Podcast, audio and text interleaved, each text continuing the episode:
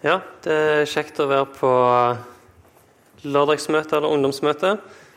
Eh, jeg har gått i Salem i ganske mange år nå, men eh, eh, jeg er gift og har to døtre. Og etter vi fikk døtre, så er det mer praktisk å gå på søndag formiddag enn lørdag kveld. Det er merkelig hvordan det forandrer seg. Når jeg var student, så var det utenkelig å finne på noe klokka åtte lørdags morgen. Nå er det ingen annen tid som passer bedre enn det. Eh, men eh, som sagt, jeg heter Pøl Reidar. Eh, jobber som reservoaringeniør i Statoil. Ja, jeg trenger ikke si mer om meg sjøl, egentlig. Kristian spurte om jeg ville tale ut ifra en tekst i Lukas kapittel 1. Og jeg liker å tale ut ifra tekster, så det har jeg sagt ja til. Så det er det jeg skal snakke om i kveld. Men først så vil jeg bare si litt mer om, om advent, den tida som vi er inne i. For eh, Forrige søndag var det første søndag i advent. Nå er det andre søndag i advent i morgen. Sikkert mange som tenner lys. Et lys for hver søndag. Og Et populært spørsmål på julequiz det er hva betyr advent? Fordi de fleste svarer ventetid. Eh, men advent betyr komme eller ankomst. Så det er det, med, det, er det adventen handler om. Jesu komme. Jesu ankomst til jorden. Vi minnes Jesus som ble født som et lite barn i Betlehem. Og Det er det òg teksten jeg skal snakke om, handler om. Men advent har òg en annen dimensjon, der vi ikke bare ser bakover, men òg ser framover mot Jesu gjenkomst. For han som kom for litt over 2000 år siden, han skal òg komme igjen. Og Det er òg eh, noe vi minnes i adventstida. Eh, så på samme måte som jødene venter på Messias, så venter vi nå på at Messias skal komme igjen. Så vet jeg at Når vi nevner dette med Jesu gjenkomst, så er det en del som blir litt sånn bekymra. Eh, det er en del som ikke liker å snakke om det. Men som kristne så skal ikke vi være bekymra over gjenkomsten. Det er noe som vi gleder oss over, som vi ser fram til. Det er en gledens tid. Jesus kommer riktignok for å dømme verden, men vi som tror, er allerede frikjent ved troen. Og så er det naturlig at vi har en nød for venner, for kjente, for folk vi ikke kjenner, som ikke deler den samme troen. Eh, og det, Den nøden skal vi ha, men da har vi en god mulighet i juletida, i adventstida, der det er litt ekstra fokus på det kristne budskapet, der flere går i kirka enn det det vanligvis gjør. At vi kan bruke disse mulighetene til å forkynne evangeliet. Og så kan vi be om at det må være gode, Jesus-fokuserte prekener på julaften rundt omkring i landet vårt. Men Jeg skal ikke snakke mer om eh, Jesu gjenkomst, men jeg vil bare si litt om advent, i og med at eh, vi er i advent, og det er det òg teksten handler litt om. Vi skal ta og lese teksten sammenhengende først, i Lukas kapittel 1, vers 26-38. Eh, og så gå litt gjennom punkt, punkt for punkt etterpå.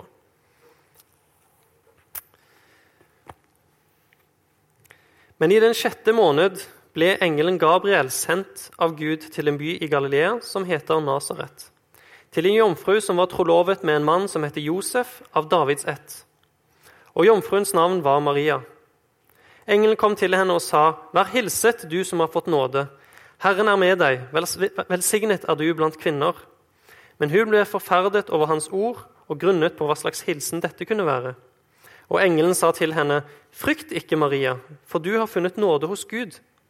'Se, du skal bli med barn og føde en sønn, og du skal gi ham navnet Jesus.' 'Han skal være stor og kalles den høyeste sønn. Gud Herren skal gi ham hans, David, hans far Davids trone. Og han skal være konge over Jakobs hus til evig tid, og det skal ikke være ende på hans kongedømme. Men Maria sa til engelen, 'Hvordan skal dette gå til, da jeg ikke vet av mann?' Engelen svarte og sa til henne, 'Den hellige ånd skal komme over deg, og den høyestes kraft skal overskygge deg.' Derfor skal også det hellige som ble født, kalles Guds sønn. Og se, Elisabeth, din slektning, har også unnfanget en sønn i sin høye alder. Hun som ble kalt ufruktbar, er nå alt i sjette måned. For ingenting er umulig for Gud. Da sa Maria, Se, jeg er Herrens tjenerinne, det skjer meg etter ditt ord. Og Herren forlot henne.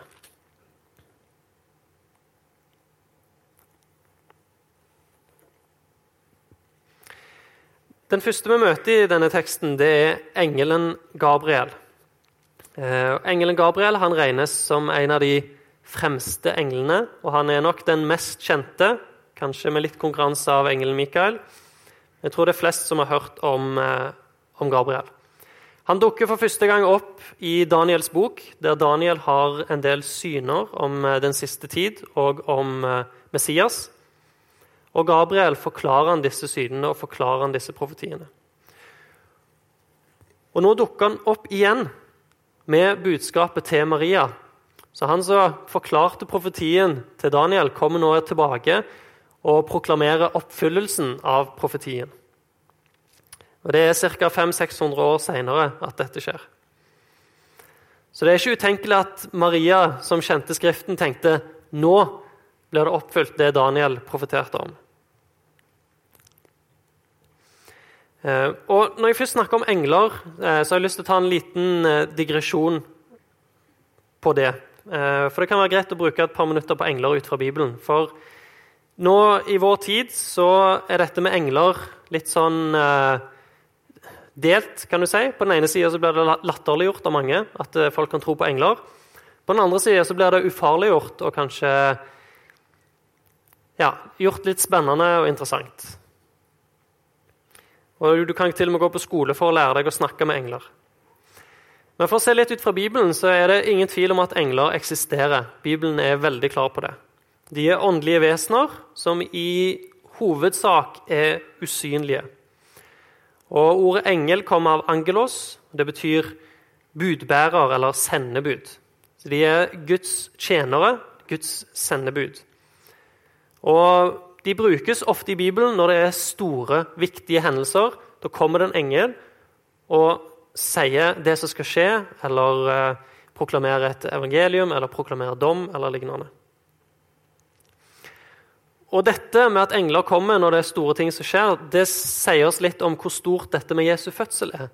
For da, for hyrdene på marken, dukker det opp en hel engel, himmelsk hærskare, Guds englekor, åpenbart seg på jord og sang for hyrdene på marken. Det har aldri skjedd før, og det kommer heller, heller ikke til å skje igjen før vi, før vi, samles i himmelen. Så Fra himmelens uh, ståsted så er dette det, det største som har skjedd i historien. Eh, men engler, til forskjell fra oss mennesker, de er ikke skapt i Guds bilde. De er skapt av Gud, men de er en skapning ikke i hans bilde. De er òg kjønnsløse, altså det vil si, det er ikke to kjønn engler. De kan ikke formere seg og få barn sånn som mennesker. Og alle englene som beskrives i Bibelen, de beskrives som mannlige skikkelser. Men vi leser òg om et syndefall i engleverdenen. Eh, det var mange av englene som fulgte Satan i hans opprør mot Gud. Og de englene ble referert som falne engler eller onde ånder. Og Disse onde åndene de gjør det motsatte av det englene skal gjøre. De arbeider mot de kristne sin frelse og menneskers frelse generelt. Enten direkte gjennom angrep osv., eller indirekte gjennom forførelse og andre ting. Og det fins ingen frelse for engler. Eh, jeg sier dette litt fordi som sagt, på den ene sida blir det latterliggjort, eh, selv om det er noe som er en realitet. Eh, og på den andre sida blir det litt ufarliggjort. Det kan virke litt spennende, det kan virke helt ufarlig å, å oppsøke ånder eller engler osv. Engler de beskrives å ha overmenneskelig makt. Av og til så blir de bare referert som makter eller myndigheter. Men som kristne så skal vi likevel ikke være bekymra eller redde for englene. De, de, falne englene, altså. Eh, for vi ser når Jesus går rundt i evangeliene og møter onde ånder, de skjelver i buksene bare de ser han. De er livredde, for de vet hvor uendelig mye mektigere Jesus er enn de sjøl. Men samtidig så advarer Bibelen oss mot å oppsøke spåmenn, åndemanere, dødningmanere, trollmenn osv. Så videre. Bibelen er veldig klar i sin tale. Det skal vi ikke oppsøke. Sånne ting er ikke av Gud. Fordi vi har en direkte linje til Gud. Vi kan be til Faderen i navnet av Sønnen ved Den hellige ånd. Vi trenger ikke å gå i en mellomvei. Gud bruker engler, men vårt fokus skal være vendt til Gud. Så Det var den lille digresjonen eh, når det var, gjaldt engler. For å komme tilbake til teksten vår, så er det også sånn at også gode engler skaper frykt hos mennesker. Nesten alltid når engler dukker opp, så er det første de må si 'frykt ikke'. For når vi ser engler som er hellige, så, så gir det oss et bilde av guddommen. Det er et glimt av, av himmelske, den himmelske herligheten. Og Det skaper frykt i oss, for vi er urene. Og når vi får et blikk på Norge rent, så blir vi fylt av frykt. Og Maria blir redd når hun ser engelen Gabriel og hører det han forteller henne. Og Det er jo òg fordi hun òg er en synder. Eh, den katolske kirka lærer at Maria er født uten synd. Fordi det annet i teksten vår står at hun er velsigna blant kvinner. Men spørsmålet er ble Maria utvalgt til dette oppdraget å føde Jesus. Ble hun regna som velsigna fordi hun var bedre enn andre, fordi hun var uten feil sjøl? Nei, engelen Gabriel sier at hun er velsigna fordi hun har fått nåde av Gud. Nåde det er ufortjent godhet. Det er noe vi ikke fortjener, men noe som vi får likevel. Og Selv om Maria er en bibelsk person vi skal kunne se opp til, og et, et kjempeforbilde for de kristne, så skal hun ikke tilbes. For hun òg trenger frelse på lik linje som oss. Etter innledningen til Gabriel, eh, når han sier hvem han er, og introduserer at hun har fått et oppdrag, eh, så kommer han med budskapet sitt. Og Budskapet er se, du skal bli med barn og føde en sønn, og du skal gi ham navnet Jesus. Og I dag er det populært å lage nye navn. Vi, vi velger ofte navn ut ifra hva som høres fint ut. Ofte vet vi kanskje ikke betydningen. Til og med noen navn har ingen betydning. Det er noe vi finner opp sjøl. Men i, i, løpet av bibelhistorien og eh, store deler av menneskets historie så har navn alltid hatt en større betydning. Det er ikke bare en merkelapp for å skille oss fra hverandre, men navnet har en betydning og sier noe om hvem den personen er eller skal være, eller hvor han kommer fra, eller en spesiell bragd eller et oppdrag, eller osv. Og, Sånn er det òg i Bibelen. Og Navnet Jesus det betyr 'Herren frelser'. Og du kunne kanskje ikke funnet et mer passende navn for uh, vår frelser. Men det er ikke et uvanlig navn. Jesus var et vanlig navn. Og Vi finner det også i Det gamle testamentet. På hebraisk så er Josva det samme navnet som Jesus.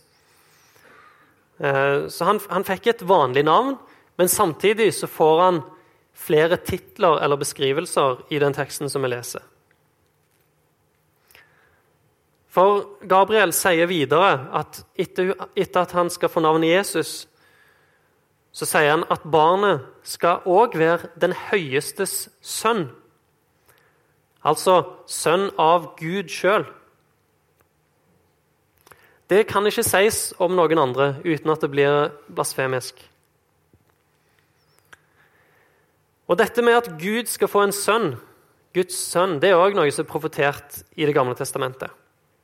En av de mest kjente tekstene det er Jesaja 9,6. Jeg kan ta og lese den. For et barn er oss født, en sønn er oss gitt. Herredømmet er på hans skulder, og hans navn skal kalles under, rådgiver, veldig Gud, evig far og fredsfyrste. Men når vi snakker om at Jesus er Guds sønn, så betyr ikke det at han på et tidspunkt ikke har eksistert og så ble født eller ble skapt eller ble til. Det er det ikke. Jesus har alltid eksistert i treenigheten som Sønnen med Faderen og Den hellige ånd. I den treenigheten så er han Sønnen. Og Det er bare Sønnen i treenigheten som ble menneske, og som har to naturer, som er 100% Gud og 100% menneske. Og Dette med Jesu naturer det har vært kanskje den største diskusjonen i løpet av kirkehistorien. Det er ingenting som har blitt utfordra så mye som akkurat den læren her. For på ene sida vil noen fornekte at han er Gud, og andre vil fornekte at han er menneske. Og noen vil blande det og gjøre han til et, et supermenneske eller en superskapning. Men han er altså fullt ut Gud, fullt ut menneske. Vi skiller ikke de naturene fra hverandre, vi blander de heller ikke sammen.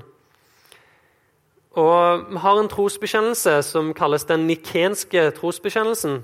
Den ble skrevet på 300-tallet. Og Det er en av de bekjennelsene som eh, både Den norske kirke og lutheranere eh, bekjenner seg til. Ligner veldig på den apostolske. Det er den vi skal bekjenne senere i dag. Den som vi kjenner veldig godt til. Men i, den nikenske så står det litt annerledes om Jesus. Og jeg vil bare lese akkurat det. Der står det De har òg et eh, avsnitt om Faderen, og så kommer det til Sønnen. og Da står det Vi tror på én Herre, Jesus Kristus, Guds enbårne sønn, født av Faderen fra evighet. Gud av Gud, lys av lys, sann Gud av sann Gud. Født, ikke skapt, av samme vesen som Faderen. Ved ham er alt blitt skapt. For oss mennesker og til vår frelse steg han ned fra himmelen. Han har blitt skjød ved Den hellige ånd av jomfru Maria og er blitt menneske. Så står det litt videre òg i den trosbekjennelsen. Men her er det altså en bekjennelse som er gitt til motsvar mot de som vil angripe Jesu naturer. Der det står, blir tydelig sagt at han, er, at han er Gud på linje med Gud, men at han er òg blitt et menneske. Og Jeg tror jeg også skal ta og lese en tekst i eh, Filipperne, kapittel 2, eh, seks vers der. For det er òg snakker litt om akkurat dette, og jeg tror det er en ganske grei tekst å lese. Eh, Filipperne 2, 5-11. La dette sinn være i dere som òg var i Kristus Jesus. Han som, da han var i Guds skikkelse, ikke holdt det for et røvet bytte å være Gud lik. Altså, det at han var Gud lik, var ikke noe han måtte ta til seg. Det var noe han allerede hadde men gav avkall på det og tok en tjeners skikkelse på seg da han kom i menneskers lignelse. Og da han i sin ferd var funnet som et menneske, fornedret han seg selv og ble, lydig til døden, ja, døden på korset. Derfor har òg Gud opphøyet ham og gitt ham det navn som er over alle navn, for at i Jesu navn skal hvert kne bøye seg, deres som er i himmelen og på jorden og under jorden, og hver tunge skal bekjenne at Jesus Kristus er Herre, til Gud Faders ære.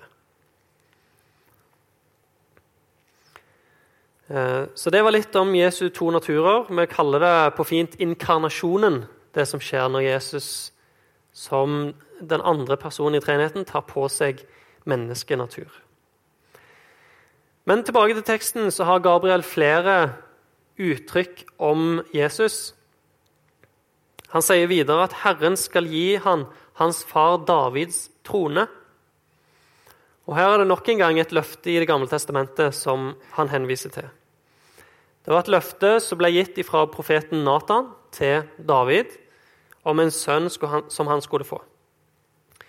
Eh, og Jeg tar og leser det òg i 2. Samuels bok. Det blir noen vers, men det tror jeg vi bare har godt av. 2. Samuel kapittel 7, vers 12-17. Når når dine dagers tall blir fulgt, og du hviler hos dine fedre, da vil jeg etter deg oppreise din sønn, som skal utgå av ditt liv, og jeg vil grunnfeste hans kongedømme. Han skal bygge et hus for mitt navn, og jeg vil trygge hans konge, kongetrone til evig tid. Jeg vil være hans far, og han skal være min sønn. Når han gjør det som, som ondt er, vil jeg tukte ham med menneskers ris og med menneskebarns plager. Men min miskunn skal ikke vike fra ham, slik som jeg lot den vike fra Saul, han som jeg lot vike plassen for deg. Ditt hus og ditt kongedømme skal stå fast til evig tid for ditt åsyn, og din trone skal være grunnfestet til evig tid. Alle disse ord og hele dette syn bar Nathan fram for David. Det, det, er en del som står i, i, det løftet, og mye av dette ble oppfylt gjennom Salomo, som er den direkte sønnen David fikk. Salomo fikk bygge Herrens hus, som er tempelet, og han hadde et kongedømme. Men disse tingene var midlertidig. Tempelet, som var Guds hus, var midlertidig. Kongedømmet var midlertidig. Og Gud sier òg at den sønnen som David skal få, den skal òg være hans egen sønn. Så den virkelige Guds sønn, det er han som kommer nå. Det er Jesus. Og han skal bygge et hus som står til evig tid, et hus som består av levende byggesteiner. Og et kongedømme som varer til evig tid, som har ingen ende. Og Det var også kjent i Det gamle testamentet at dette løftet handla om mer enn Salomo. Det var ikke bare Salomo, det pekte fram mot en annen som skulle oppfylle løftet. Og Hvis vi går tilbake til Jesaja 9, som vi nettopp leste, så skal jeg lese verset etter der. Vi leste 9,6. Det var det verset for et, bar, et barn er oss født, en sønn er oss gitt. Men i vers 7 der så står det Så skal herredømmet bli stort og freden bli uten ende over Davids trone og over hans kongerike. Det skal bli gjort fast og holdt oppe ved rett og rettferdighet fra nå av og til evig tid. Herrens, herskarenes Guds nidkjærhet skal gjøre dette. Så det er egentlig begge disse versene Gabriel henviser til. Jesus skal være Guds sønn, og han skal òg sitte på dette evige kongedømmet for David. Den siste beskrivelsen som Gabriel gir om Jesus, det er at han skal være konge over Jakobs hus til evig tid. Og Jakob det er barnebarnet til Abraham. Vi har eh, Abraham, Isak, Jakob. Jakob fikk navnet Israel, og hans eh, familie Han hadde tolv sønner, og disse fikk mange barn. De blir kalt Israels folk. Jakobs folk, altså. Så når det er snakk om Jakobs hus, så er det like rett å si Israels hus. Begge uttrykkene blir brukt. Og I den gamle pakt så var det jo kun israelsfolket som var Guds folk. Så Jesus han skal altså være konge over Israels folk, over Jakobs hus, over Guds folk. Jesus skal være Guds folks konge til evig tid. Det er det jo ingen andre enn Gud som er. Men Jesus er jo selvfølgelig eh, Gud på linje med Faderen og Ånden. Men eh, heldigvis eh, kan vi kanskje si at i den nye pakt så utvider Jesus Guds folk til ikke bare å være ett folk, men alle folk. Alle land, alle nasjoner, alle tungemål. De kristne skal bestå ifra alle folkeslag. Fordi nå er det ved troen at vi blir Abrahams barn. Og Sånn har det jeg alltid vært. Det argumenterer Paulus i Romane 4. Men derfor sier også Gabriel at det skal ikke være ende på hans kongedømme. Og Det gjelder både i utstrekning, altså at det skal gjelde hele verden, men òg i tid. Det skal være et evig kongedømme. Så Det er de titlene som Jesus får. Og allerede her så har Gabriel sagt mye om hva Jesus skal gjøre, hvem han er, hva han kommer til jord for. Og Så gir han dette budskapet til Maria, og det er nok mye for hun å ta inn over seg. Og så har hun et spørsmål når det gjelder dette, her, og det er mer et praktisk spørsmål. Hun spør hvordan kan dette skje når jeg ikke vet av mann? Altså, Hvordan kan hun som er jomfru, bli med barn? Og Gabriel svarer at det er Den hellige ånd og Guds kraft som skal komme over henne, og som skal la det skje. Og Dette er altså et under. Det er noe overnaturlig. For det første så er det et under at Maria som jomfru blir gravid. Men det større underet det er at sønnen skal ta på seg en menneskenatur og fødes inn i den verden som han sjøl skapte for å frelse sin egen, sine egne skapninger, som har gått imot han og synda mot han uten stans. Og Det skal han gjøre ved å dø på korset, stå opp igjen fra det døde. Han er Guds sønn, og derfor er det også helt nødvendig at hans unnfangelse er overnaturlig og skjer på mirakuløst vis. Fordi For at Jesus skal kunne frelse oss, så må han sjøl være uten behov for frelse. Han kan ikke ha synd. Han må være syndfri, uten synd. Eh, I Hebreerne 4 så er det et kjent vers. 4.15 står det For vi har ikke en ypperste prest som ikke kan ha medlidenhet med oss i vår skrøpelighet, men en som har prøvet i alt i likhet med oss, men uten synd. Den ypperste presten det henvises til her, det er Jesus. Han levde som et menneske på samme måte som oss. Han ble prøvd på mange av de tingene som vi opplever. Men han gjorde det uten å synde. Han levde et fullkomment liv. Og Gjennom mange år så har den liberale teologi villet bortforklare jomfrufødselen og generelt alle mirakler. Eh, det er en ubehagelighet i vår vitenskapelige tidsalder å tro på sånne ting. Men poenget er at det, spesielt dette her, eh, det handler ikke bare om et under, men det handler om fundamentet for vår frelse. Det handler om hvem Jesus er. Og Hvis vi tror at Gud er skaperen av alt det vi kan se, så er det iallfall ikke utrolig at han kan få ei dame til å bli gravid. For ingenting er umulig for Gud, som Gabriel sier. Men la meg snu på det, da. Hvis det ikke har skjedd, hvis Jesus ble født, ble unnfanget på vanlig måte, hvis han ikke ble inkarnert ved Den hellige ånd, så er Jesus ikke Gud. Han er heller ikke uten synd. Han er akkurat lik som oss, var kanskje litt mer enestående, men han er likevel en synder som alle andre. Og døden på korset blir meningsløs. Det er bare nok en synder som døde. Men hvis det har skjedd, så var det Sønnen som tok på seg straffen som vi fortjente, levde et fullkomment liv som ble regna som vårt gjennom troen. Og Jesus beviste jo en gang for alle hvem han var, ved at han sto opp fra det døde. Sant Gud og sant menneske. Men engelen han, eh, han, kjenner menneskene, og han forstår at dette er vanskelig for Maria å tro. Så han gir hun et konkret eksempel. Han sier at hennes slektning Elisabeth er også blitt gravid. og Hun er langt oppe i åra. Hun kan ikke få barn. Men det òg har skjedd, sier engelen. Og Det barnet som hun er gravid med, det skal senere bli døperen Johannes. Og Det var også Gabriel som kom og, og brakte de budskapet om at han skulle bli født. Og Etter vår tekst så drar Maria til Elisabeth for å oppsøke henne og se at det faktisk stemmer, og det gjør det. Så Det viser at Maria tar det ikke bare for god fisk, men hun, hun oppsøker også og undersøker at det Gabriel sier, stemmer. Og Når Maria har fått svar på spørsmålet sitt, så svarer hun som kjent Se, jeg er Herrens tjenerinne, det skjer meg etter ditt ord. Og Det er et svar som er til etterfølgelse for oss. Det er ikke alltid lett å, å ha den innstillingen og ha den tanken. Men la oss gjøre det til en bønn for oss òg. At se, vi er Herrens tjenere. La det skje oss etter Hans vilje og ord. Amen.